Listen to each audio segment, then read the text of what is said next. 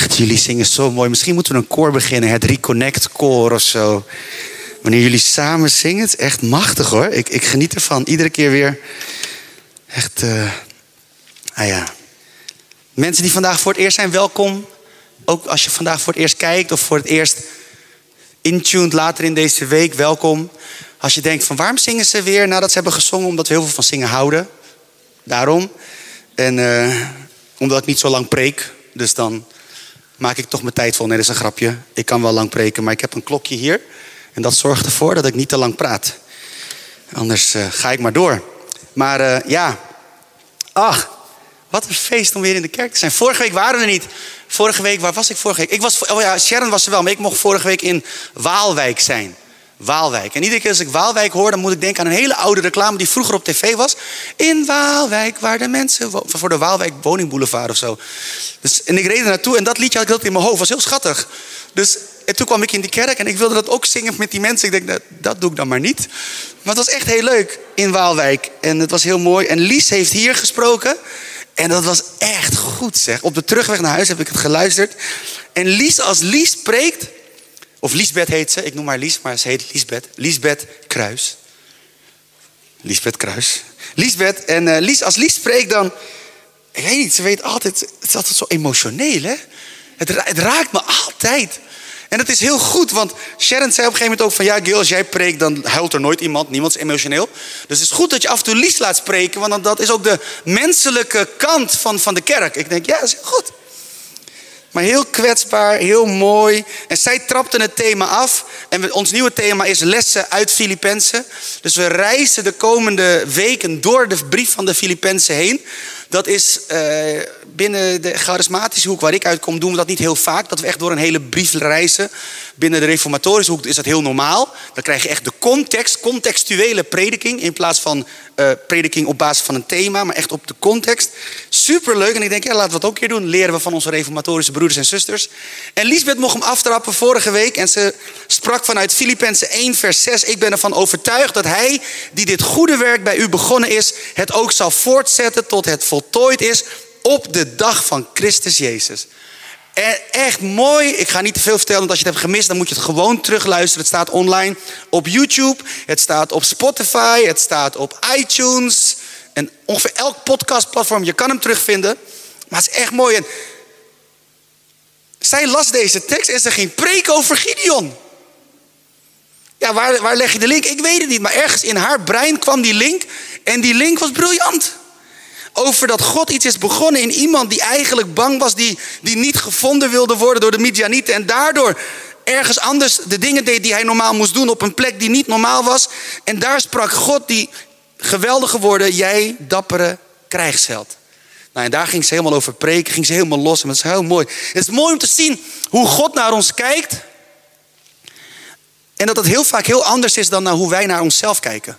Wanneer God kijkt naar ons, dan kijkt hij naar ons door de ogen van genade, van leven, van hoop. Wanneer wij kijken naar onszelf, dan kijken we vaak door een spiegel die heel eerlijk is en heel streng is. Ik weet niet of je dat herkent, maar ik kan heel goed mijn fouten onthouden. Ik ben daar echt goed in. Nog meer mensen? Een paar mensen. Fijn, ik ben niet alleen. En, en, de dingen die je doet, die vergeet je ze. Of je praat ze weg. Ken je dat? Oh, maar dat viel wel mee. Oh ja, dat is genade. En dat is het ook. Maar over onze fouten praten we eigenlijk nooit zo. Ja, dat is genade. Terwijl daar juist heel veel genade voor nodig is. Weet je wel, ik vind het zo mooi hoe God naar ons kijkt. Dus Lies heeft daarover gesproken. Super mooi, super krachtig. En ik heb opgeschreven. Je zou de preek, als je het gemist hebt, moeten terugluisteren of terugkijken. Je zal erdoor gezegend worden. Dat geloof ik met heel mijn hart. Dus dit is de shameless plug voor Liesbeth haar preek. Check het, Liesbeth Kruis. En de titel van de preek, als je hem wil zoeken op YouTube, is Not Unto Us. Liesbeth Kruis, Not Unto Us. Boom, vind je hem. En de preek is gewoon in het Nederlands. Maar ze heeft een Engelse titel bedacht. En omdat Liesbeth een Engels titel heeft bedacht, dacht ik, ik ga ook een Engels titel bedenken. En mijn titel is Jesus at the center of it all. Naar dat lied. Jesus at the center of it all. En eigenlijk gaan we verder waar, waar Lies is gebleven. Want Lies had echt de focus op God doet het werk. In en door ons. Het is God die door ons aan het heen werk is. En ik wilde daarin verder gaan en zeggen, het is echt Jezus en Jezus alleen onze focus moet gaan naar Hem. En als onze focus gaat naar Hem, dan wordt ons leven heel anders. Echt waar, dan word je veel ontspannender. Dan ga je minder druk maken om allemaal dingen. Want Jezus heeft de center of your life. Eh, de focus gaat naar Hem. We mogen ons richten op Hem. En ik wil met jullie lezen uit Filippenzen 1, vers 12 tot en met vers 19. Filippenzen 1, vanaf vers 12 tot en met vers 19. Als je een Bijbel hebt, mag je hem pakken. Als je thuis bent en je hebt een Bijbel, mag je hem pakken. Gewoon voor de, voor de fun. Dan, heb je, dan doe je nog wat met die papieren Bijbel. Weet je, ik weet niet of je wat mij lijkt. Ik lees mijn Bijbel digitaal. Maar toch leuk. Af en toe papieren Bijbel. Even weer zoeken waar dat ook alweer was. Waar zit Filippenzen? Ik geef je een tip. Zit in het Nieuwe Testament. Komt na de Evangelie. Filippenzen, Colossense daar. Daar in die hoek. Dus als je hem hebt. En de mensen hier die misschien zoeken, leuk. Filippenzen 1, vers 12 tot en met 19. En de mensen die denken van, ja, maar het komt toch op het scherm. Klopt, dat komt nu. De MBV 21. Als je een andere vertaling wil lezen, moet je eigen Bijbel meenemen. Daar staat, u moet weten, broeders en zusters, dat wat mij is overkomen er juist toe bijdraagt dat het evangelie wordt verspreid. Het is iedereen in het Romeinse hoofdkwartier en alle anderen duidelijk geworden dat ik gevangen zit omwille van Christus. Bovendien durven de meeste broeders en zusters, omdat ze door mijn gevangenschap vertrouwen in de Heer hebben gekregen, de boodschap nu nog onbevreesder te verkondigen. Ik vind dat zo vet. Het is eigenlijk heel erg counter logic. Ik bedoel, iemand wordt gevangen gezet en omdat hij gevangen gezet wordt, durft ze het nog onbevreesder te prediken.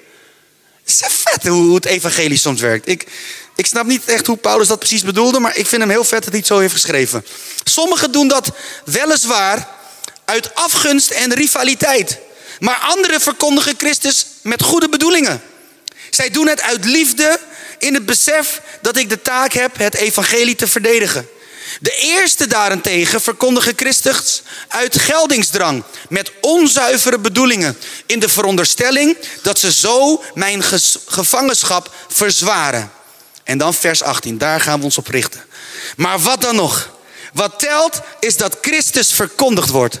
Of het nu uit valse of oprechte motieven gebeurt, dat het gebeurt verheugt me. En mijn vreugde is blijvend, omdat ik weet dat dit alles door uw gebed en de hulp van de geest van Jezus Christus tot mijn redding leidt. Vader, dank u wel voor uw woord. Dank u wel dat er licht verschijnt wanneer uw woord open gaat. Licht om ons te laten zien waar we vandaan komen, waar we naartoe gaan, waar we staan. En misschien nog het allermooiste hoe we kunnen komen op de plek die u voor ons heeft. Want uw woord is een lamp voor ons voet en een licht op ons pad. Heer, dank u wel dat wanneer we stilstaan bij uw woord, dat mag zijn als zaad. Dat uitgestrooid wordt, dat mag landen in harten. Wortel mag schieten, op mag springen, vrucht mag voortbrengen die ere brengt aan Jezus. En Jezus alleen, opdat u in en door alles heen gezien en geëerd wordt. Dat is ons gebed. In Jezus' naam. Amen. Maar wat dan nog? Wat telt is dat Christus verkondigd wordt. Of het nu uit valse of oprechte motieven gebeurt. Dat het gebeurt, verheugt me. Ik weet niet van jullie, maar deze tekst die kwam echt keihard bij me binnen. Want daarvoor zegt hij dus, sommigen hebben hele verkeerde motieven. Sommigen doen het om hele verkeerde redenen. En het maakt Paulus helemaal niks uit. Het gaat hem erom dat Christus wordt verkondigd. Ik heb hierover geschreven eerder toen ik het voor het eerst las. Of ja, is niet helemaal waar. Toen ik het voor het eerst las in voorbereiding op de preek van vandaag, schreef ik op: Het gaat altijd om Jezus. Laten we daarom minder bezig zijn met elkaar bekritiseren en meer met het vieren dat Jezus bekender wordt. Laten we hierin ook op Jezus vertrouwen dat Hij het verder doet.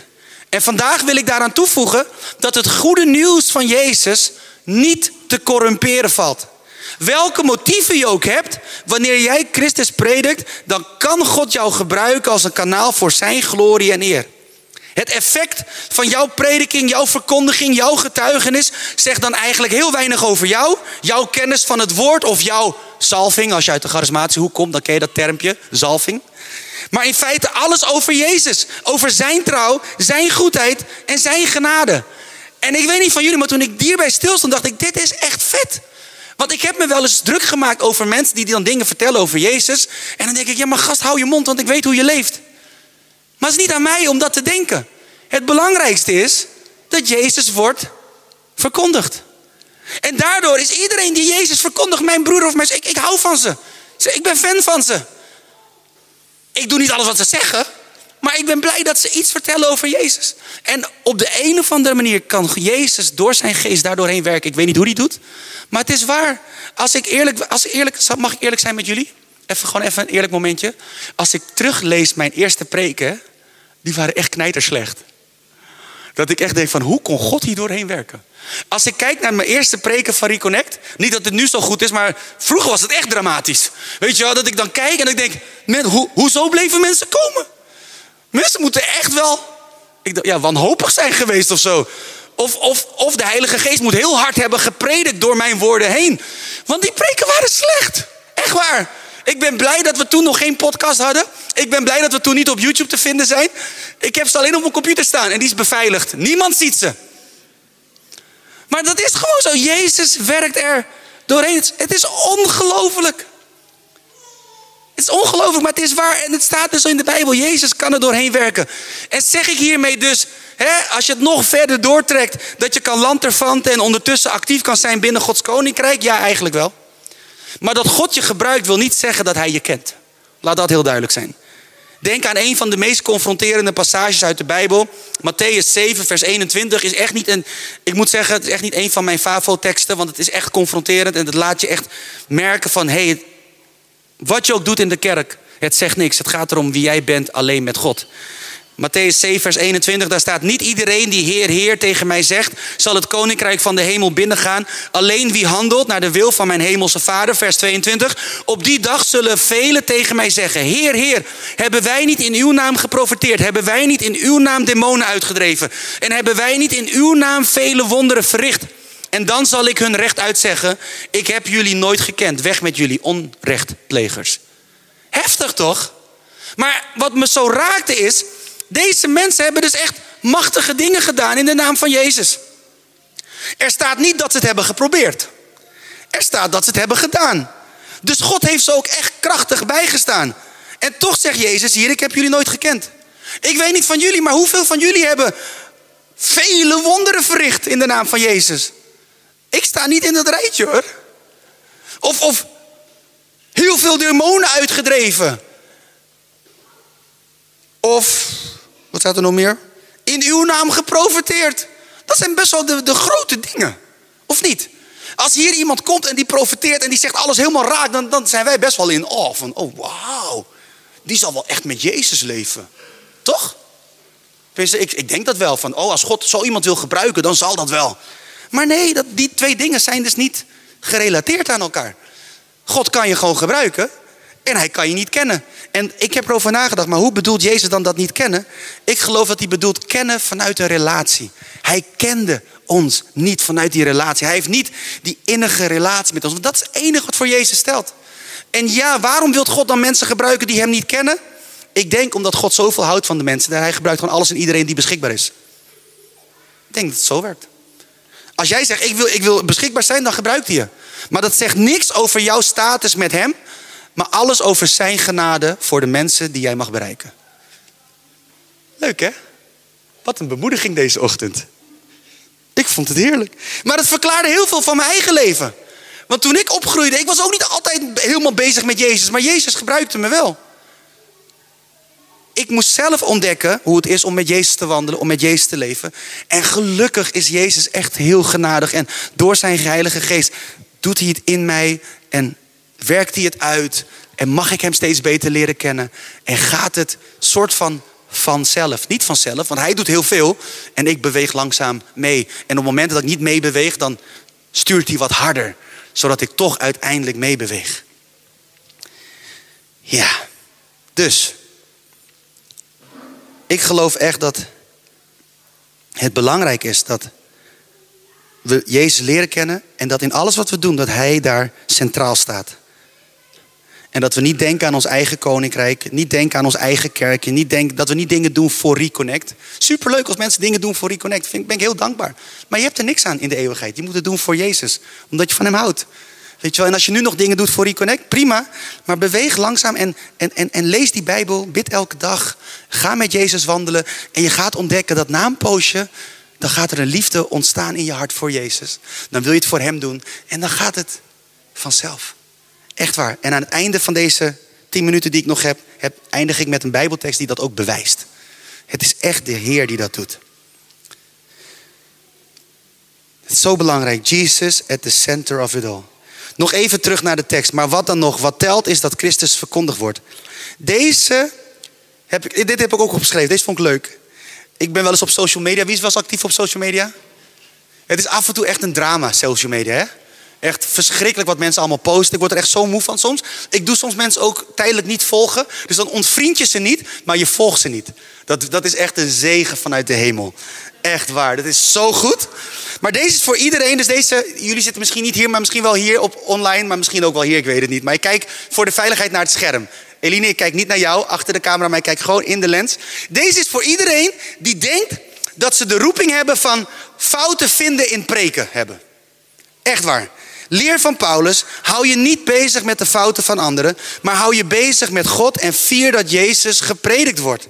Accepteer dat iedere prediker van het woord gebroken is en tekortschiet. Accepteer dat we met z'n allen ons best doen om die geweldige boodschap van hoop, liefde en trouw, de boodschap van leven, het goede nieuws van Jezus te prediken met alles wat in ons is. Dat doen we echt, dat, dat willen we. Ik geloof dat met heel hart dat iedereen het probeert. Ik ben er soort van al aan gewend dat er iedere week wel iemand boos is op mij na een preek. Het is gewoon, dat is gewoon zo.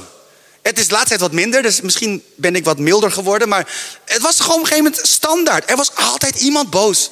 Er kwam altijd wel iemand naar me toe na de dienst. Of er kwam altijd wel iemand naar me toe in mijn mailbox. Of er kwam altijd wel iemand naar me toe in, in, in, in Messenger. Dat is ook de reden waarom ik een poosje gewoon Messenger gewoon soort van had gedeinstalleerd. Altijd. Het toppunt is, maar dat is maar één keer gebeurd. Maar dat is mijn toppunt. Dat iemand gewoon uren heeft gespendeerd aan mijn preek om elk zinnetje te analyseren. Dus ook mijn spontane dingetjes, als ik bijvoorbeeld zei, ja, en dat ik heb lekker gerend. Het is helemaal niet relevant om te zeggen dat je hebt gerend als je aan het prediken bent. Je moet het woord van God prediken. Je went eraan. Je went eraan. Ik heb het geaccepteerd. Ik heb het geaccepteerd. Maar ik ben gewoon eenmaal een, een af en toe een mafkees. Ik ben enthousiast. Ik zeg soms dingen in mijn enthousiasme, dingen die ik niet moet zeggen. Dan, dan flapt het eruit. Weet je, en dat, bedoel ik niet vervelend. Maar dat is wie ik ben. En er zijn genoeg predikers die niet zo zijn. Dus als je niet tegen mijn enthousiasme kan en mijn spontaniteit, zoek een andere podcast om te volgen of preek om te volgen. Weet je maar dit is wie ik ben.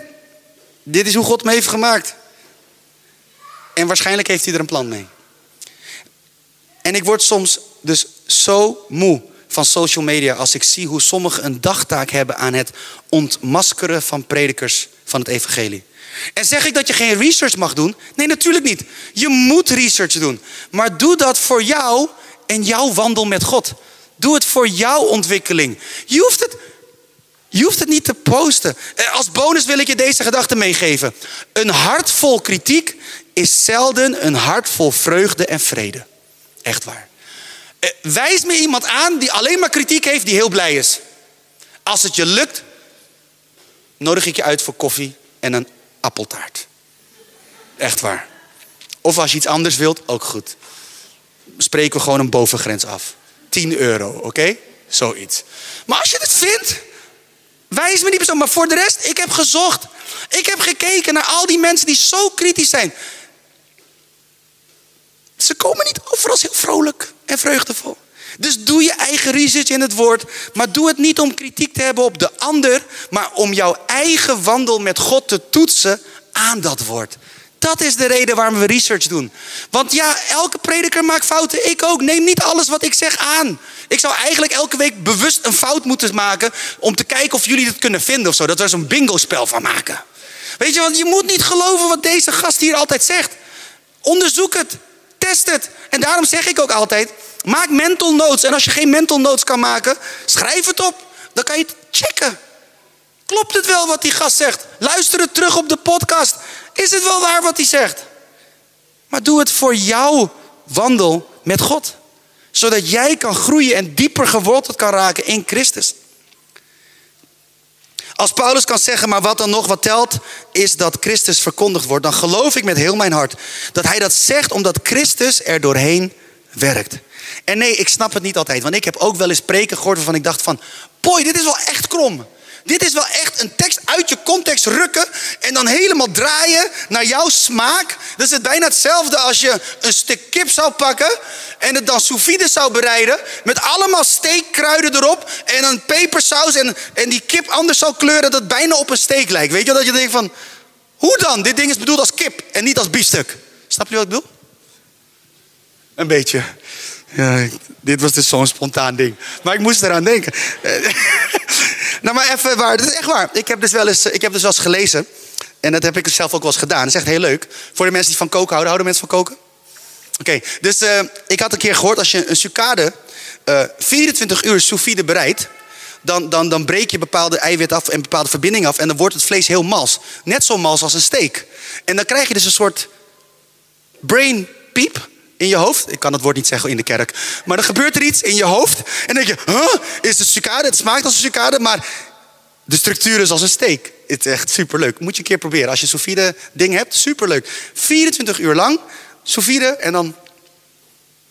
Sous vide is dus dat je je vlees vacuüm en dan in water. En dan, en dan moet je hem denk ik op een graadje of 52, 53 houden, 24 uur lang. En dan na 24 uur, dan is het dus zo mals als een biefstuk. Maar het is zo leuk. Het is zo leuk. Maar dan denk je, maar dat ding is niet bedoeld zo. Dat ding is gewoon bedoeld om te sudderen. Snap je wat ik bedoel? Dus dat bedoel ik met dingen uit context rukken en er iets anders van maken. Dus dat soort preken heb ik wel eens gehoord. Ja, daar had ik het over. Dat soort preken heb ik wel eens gehoord. En dan dacht ik van, hé, hoe kan dit? En dan nog steeds zijn mensen die horen dat. Die worden geraakt door de geest van God. En die gaan Jezus volgen. En die zeggen dan, ja, en die persoon zei dat. Het is zo geweldig denk ik, nee, het is niet geweldig. Zo, is de Bijbel helemaal niet bedoeld. Zo is die tekst helemaal niet bedoeld. Het is helemaal uit context. Maar die persoon is wel van Jezus gaan houden. Volg Jezus. En gaat zelf op onderzoek uit. En misschien over 10 jaar, 20 jaar zegt hij... Oh ja, die tekst waardoor, die preek waardoor ik tot bekering ben gekomen... was niet helemaal in context. Maar God heeft het gebruikt. Weet je, en zo werkt het wel. Gods geest kan door hele gekke preken heen werken. En het bewijs ben ik zelf. Want die gekke preken die ik heb gehouden, mensen bleven komen. Dus God kan er doorheen werken. Het is absoluut geen, geen excuus om dus geen onderzoek te doen. Hè? Ik moet dus ook research doen. Ik moet ook ontwikkelen. Als ik nog steeds zo zou preken als tien jaar geleden, denk ik dat de kerk inmiddels leeg zou zijn. Weet je wel, en niemand meer zou luisteren. Dus dat is, tuurlijk moet je groeien en ontwikkelen. Maar zo mooi dat, dat, dat God alles kan en wil gebruiken.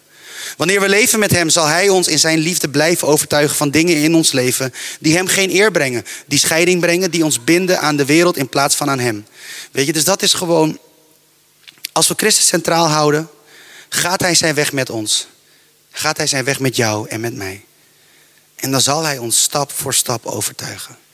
Laatste gedachte en dan ben ik klaar. Iedere ouder met meerdere kids. Wie, wie is hier een ouder met meerdere kids? Ik weet niet, mag ik even tot jullie praten? Het is, ieder kind is anders. Amen? En ieder kind, je, je kan niet...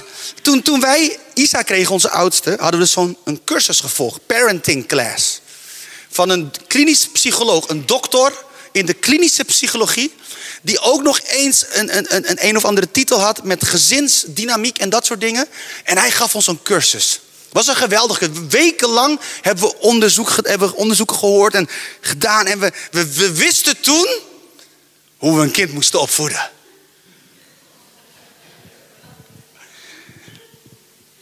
En de genade van Jezus is zo groot dat onze eerste dochter precies reageerde op die cursus, wat we hadden geleerd, zoals wij verwachten.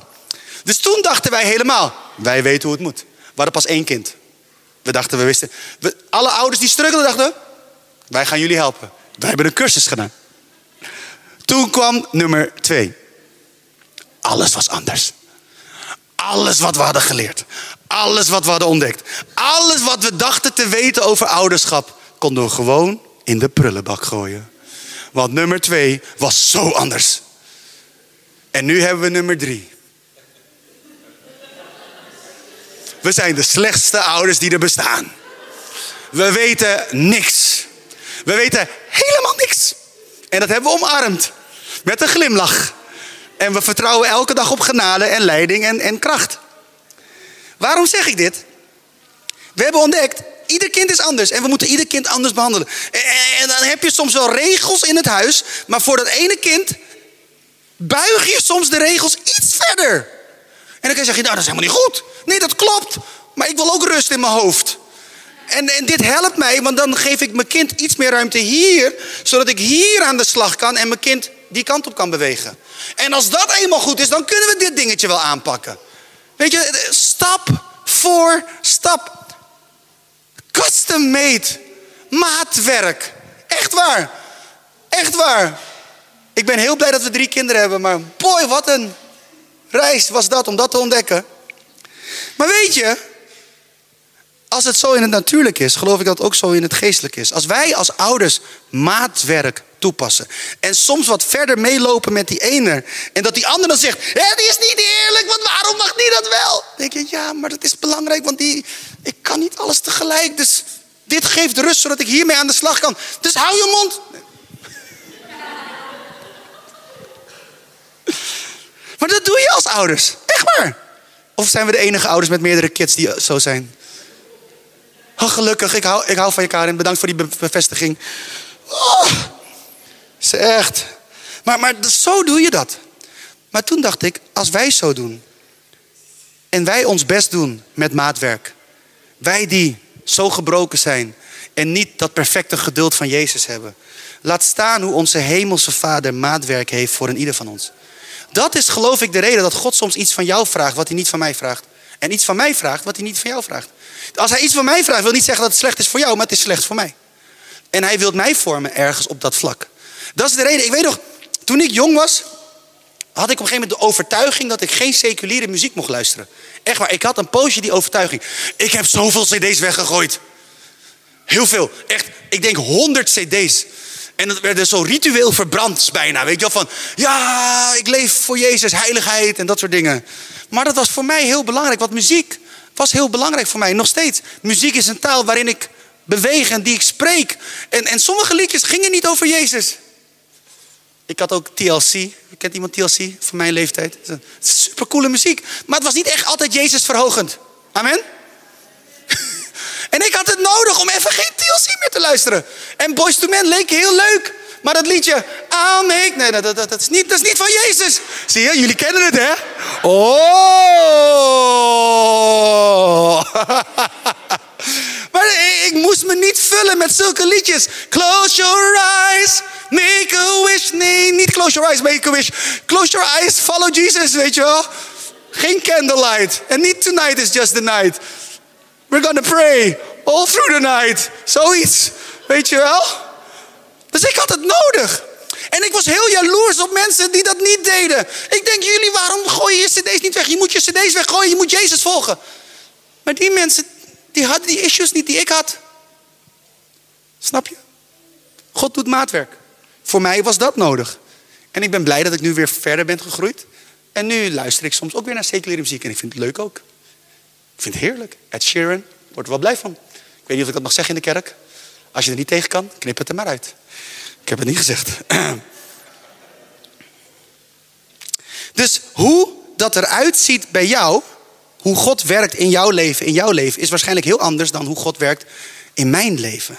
Maar wat dan nog, wat belangrijk is, is dat Christus gepredikt wordt door onze levens heen. Hoe jij bent in jouw gebrokenheid. En misschien denk je, ik, ik ben niet capable, maar ik doe mijn best. Ik, ik zie mij nou mijn best doen. Eigenlijk wat Liesbeth vorige week zei in de preek. Dat ze zei van, ja, maar wie ben ik? Ben ik wel geschikt? Kan ik dit wel doen? Het maakt God niks uit. Hij zoekt mensen die beschikbaar zijn. Dat is het enige wat hij doet. En dan, als je hem wil volgen en je bent beschikbaar, dan werkt hij het in en door jou heen uit. Of in de woorden van Eugene Patterson die de message parafraas heeft geschreven. Zo mooi. In deze tekst die ik bedoelde, en daarmee wil ik eindigen. Daar zegt hij in Efeze 3, vers 20 in het Engels. God can do anything, you know. Far more than you could ever imagine or guess or request in your wildest dream. Dus dat zongen we net bij Jaira. Uh, more than you ask, think or imagine. According to his power, working in us. More than enough. Zo ongeveer. Dat is deze tekst. God can do anything, you know. Far more than you could ever imagine or guess or request in your wildest dreams. He does it not by pushing us around, but by working within us. His spirit deeply and gently within us. En ik heb geworsteld met deze tekst. Enorm. Want toen ik opgroeide, ik, ik kom uit een Pinksterkerk Eh, ik, ik heb de heiligingsbeweging meegemaakt. Als je lang genoeg op deze wereld hebt geleefd dan, en je komt uit de Pinksterbeweging, dan ken je die beweging. Alles was, we moeten ons heiligen, we moeten ons heiligen. Maar ik heb onderzoek gedaan, hè, vrienden. Ik heb gekeken. In de Bijbel komt het heel vaak voor dat er staat: heiligt u, want morgen wil ik wonderen doen. Dat staat in de Bijbel, echt waar, letterlijk. letterlijk. Maar de laatste keer dat het staat, is volgens mij in het Oude Testament. En ik snapte dat niet. En toen dacht ik, hé, hoe kan dat toch? Maar ik denk dat ik het weet. Zou het zo kunnen zijn dat het nu zo is dat we geheiligd zijn in Christus? Dat Christus ons heiligt. Wij hoeven ons niet meer te heiligen. Het enige wat we moeten doen is leven met Jezus, achter hem aangaan, met vallen en opstaan en hem steeds beter leren kennen. En ja, dan zal God ons door zijn geest ons langzaam van binnenuit veranderen. Een onveranderd leven is een leven dat niet met Jezus leeft. Dat klinkt heel hard, maar dat is gewoon zo. Als je, als je over een jaar terugkijkt en er is niks veranderd in jouw relatie met Jezus, dan, dan leef je niet met hem. Mag ik zo eerlijk zijn? Maar dat is, niet, dat is tussen jou en hem. daar heb ik niks over te zeggen. Want ik weet niet of je veranderd bent. Want wij kunnen ons zo goed presenteren. Ik in ieder geval wel. Maar ik weet wel dat ik veranderd ben als ik terugkijk over een jaar. En ik hoop dat als ik over een jaar verder weer terugkijk, dan denk ik, oh ja, ik ben weer verder veranderd. Dat is tussen mij en God. Maar als je met Jezus leeft, dan verander je. Waarom? Zijn geest verandert ons van binnenuit. En eh, dus deze tekst leerde mij echt van, hé, hey, ik, ik, ik kan het niet zeggen. Ik, ik weet het niet. Maar wat ik wel weet is dat als we met Jezus leven, dan veranderen we. En dan zal het zichtbaar zijn. En de een verandert sneller dan de ander. En dat zeg ik zo. En daarmee bedoel ik, de een verandert sneller op een zichtbare manier die wij fijn vinden dan de ander. Uiteindelijk verandert iedereen die met Jezus wandelt. Iedereen. Waarom durf ik dat te zeggen? Omdat Jezus' kracht veel groter is dan onze kracht. En als wij achter hem aangaan, dan buigen we mee. We moeten wel. Het is buigen of breken. En soms breken we. Dat is dat beeld van die herder met die schaap. Dat hij de poten van dat schaap heeft gebroken. Dat gebeurt ook soms. En dat is ook liefde van Jezus. Mooi hè? Wat een bemoedigende preek vandaag. Ik zou echt weer naar die preek van Lisbeth luisteren van vorige week. Die is leuker. Wanneer we dit kunnen omarmen, dan kunnen we geloof ik ook pakken wat Paulus hier schrijft. Dan gaan we ons niet meer druk maken om de prediker, om het instrument. Maar dan zullen we ons richten op de boodschap. Christus Christus alleen. Laten we Hem bekendmaken, Hem achterna gaan. En in dat proces steeds meer van onze ik neerleggen aan de voeten van Jezus. Zodat Hij steeds meer wordt en wij steeds minder. Laten we alles doen wat wij kunnen om Hem beter te leren kennen. Duik die Bijbel in. Als jij iemand bent die nooit de Bijbel leest, alleen op zondag, geen oordeel, echt niet. Maar ik wil je aanmoedigen, probeer het. En ga dan niet meteen elke dag een heel hoofdstuk proberen te lezen. Want dat doe je dan één dag, twee dagen. En dan lukt het niet. En dan denk je, oh, ik moet het inhalen. De derde dag lukt het weer niet. Dan moet je twee hoofdstukken inhalen. En dan vier hoofdstukken. En dan denk je, oh, ik moet zoveel inhalen. Ik stop wel. Herkent iemand dat? Ik heb dat namelijk heel vaak gedaan. Dus doe dat niet. Begin gewoon met drie versen. En als je een keer geskipt hebt, ga je gewoon weer verder. Als je denkt, waar gaat het ook weer over? Dan lees je drie versen terug. En dan krijg je baby steps. Dat werkt het beste. Bedoel, met, met, met, met onze kinderen vinden dat ook normaal. Als Lin, toen ze begon te lopen, meteen wilde rennen, zou ik zeggen: nee, nee, doe dat niet. Kruip. Kruip, kind. Is beter voor je. En soms zeggen mensen: ja, dus baby, christen, dat is minder goed. Nee, tuurlijk niet. Er is niemand die zal zeggen: een baby is minder waard dan een volwassene. Toch? Een baby is misschien meer waard dan een volwassene. Ik weet niet hoor. Een baby is zo kostbaar. Zo leuk. Het is geen belediging. Dus laten we achter hem aangaan. Duik die Bijbel in. Praat met anderen over wat je hebt gelezen. Dat helpt ook. Doe dat. Vertel het gewoon. En wees niet bang dat het, dat het niet heel mooi is. Dat het dogmatisch niet helemaal klopt. Of theologisch. Of exegetisch. Of weet ik veel wat voor iets. Maar, maar gewoon. Praat met iemand over. Ik heb gelezen deze tekst. Het raakte me. Oh ja, waarom dan? Ja, weet ik niet. Maar dit, wat, wat zegt deze tekst jou? En dan heb je een gesprek. Ga het gesprek aan. Leer van elkaar. Leer met elkaar. En ontdek hoe Christus zijn weg gaat met een ieder. Ontdek hoe Christus zijn weg met een ieder gaat. En raak steeds meer onder de indruk van Jezus zijn liefde, genade en van zijn trouw. Ik geloof dat we dat nodig hebben als kerkmensen. Echt waar. Lees die Bijbel. Net als dat kinderlied. Lees je Bijbel, bid elke dag als je groeien wil. Als je groeien wil. Als je groeien wil. Gloria, halleluja. Lees je Bijbel. Bid elke dag. Als je groeien wil. Dus dat wil ik jullie meegeven. Dus deze preek heeft meerdere kanten. Aan de ene kant, maak je niet druk. Doe zelf je onderzoek. Luister, laat je bemoedigen. Doe je onderzoek. Vraag je niet af waarom God die persoon wel of niet wil gebruiken. Doe je onderzoek, leef met Jezus. En sta toe dat Jezus jou verandert. En als we dat allemaal doen, dan worden we een kerk die achter Jezus aanrent. En dat is een kerk die unstoppable is. Dat is een kerk waar de heiligheid van Jezus in uitgewerkt wordt. Door de geest. Waar het niet is onze ik die allemaal dingen doet. Dat wij kunnen zeggen, oh ik heb ervoor gekozen. Want ik zei dat vroeger, ik heb ervoor gekozen. Als tiener dacht ik dat het goed was om te vasten. Ik ging op een gegeven moment 40 dagen vast. Ik denk, ja, want dan ben ik heilig. Nee, ik had honger. Het is wel goed om 40 dagen, is niet erg. Iedereen. Maar je moet het doen uit de juiste motief. Omdat je bij Jezus wil horen. Omdat je Hem wil leren kennen. Omdat je, hem, omdat je honger hebt naar Hem. Maar ik deed het omdat ik dacht, want dan ben ik goed.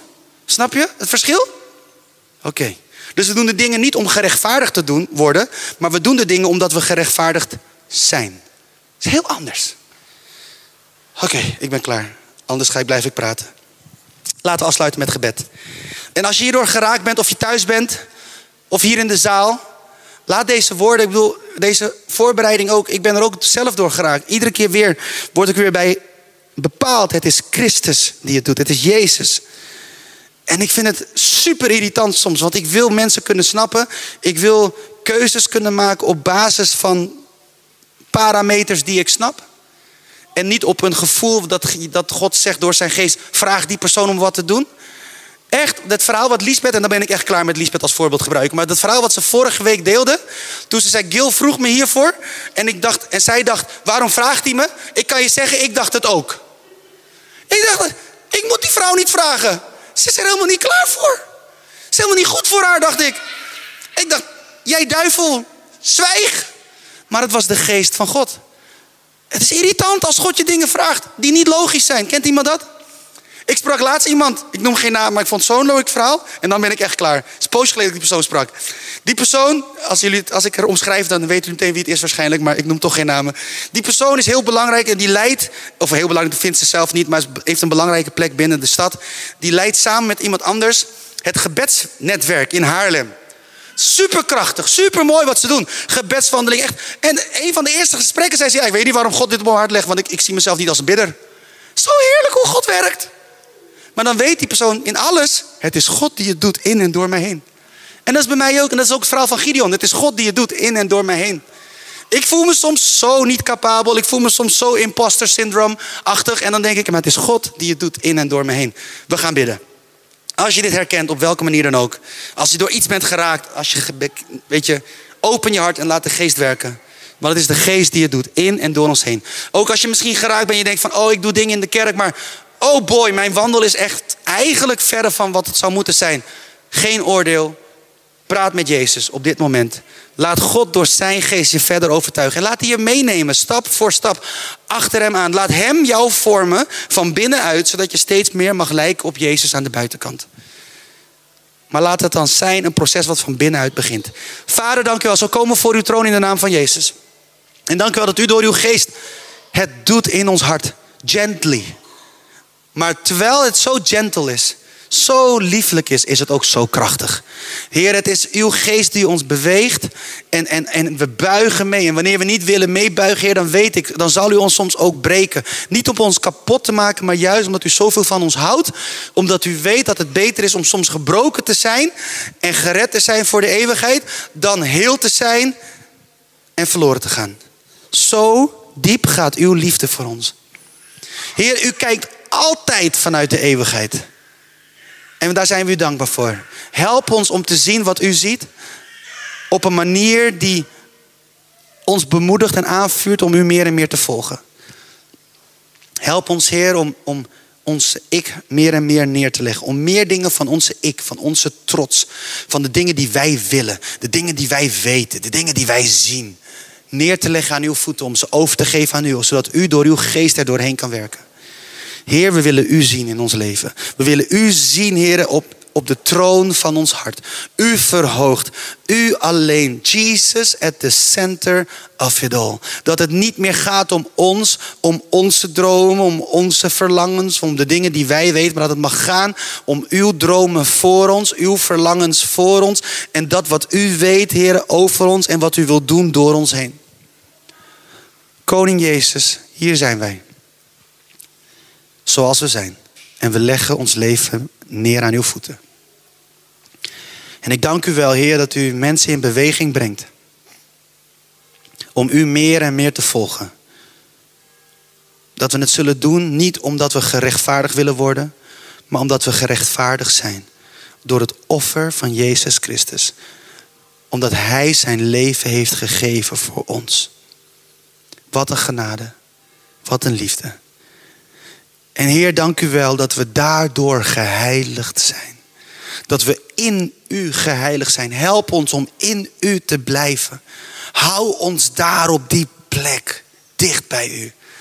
Zodat wanneer de wereld, de geestelijke wereld naar ons kijkt, dat ze niet ons zien, maar uw bloed, uw liefde, uw heiligheid. En dat het steeds meer in sync mag worden met ons binnenste, ons wezen, wie wij zijn. Dank u wel daarvoor. In Jezus' naam. Amen. Hey Gilbert hier, bedankt dat je hebt geluisterd naar de podcast van Reconnect Community Church. Ik hoop en bid dat je er niet alleen door bent bemoedigd of geïnspireerd, maar dat deze uitzending jou ook weer meer heeft mogen wijzen naar Jezus en zijn liefde, genade en trouw voor jou en voor mij. En als jij, net als wij, ook enthousiast bent over deze podcast, dan kan je ons helpen door je te abonneren op ons kanaal en deze overdenking te delen met vrienden en bekenden. Mocht je ons ook financieel willen ondersteunen, dan kan dat via reconnect.cc/geven. Je helpt ons dan om dit te blijven doen, zodat wij mede dankzij jouw steun mensen kunnen blijven bereiken met het goede nieuws van Jezus. Bedankt voor je betrokkenheid en je support.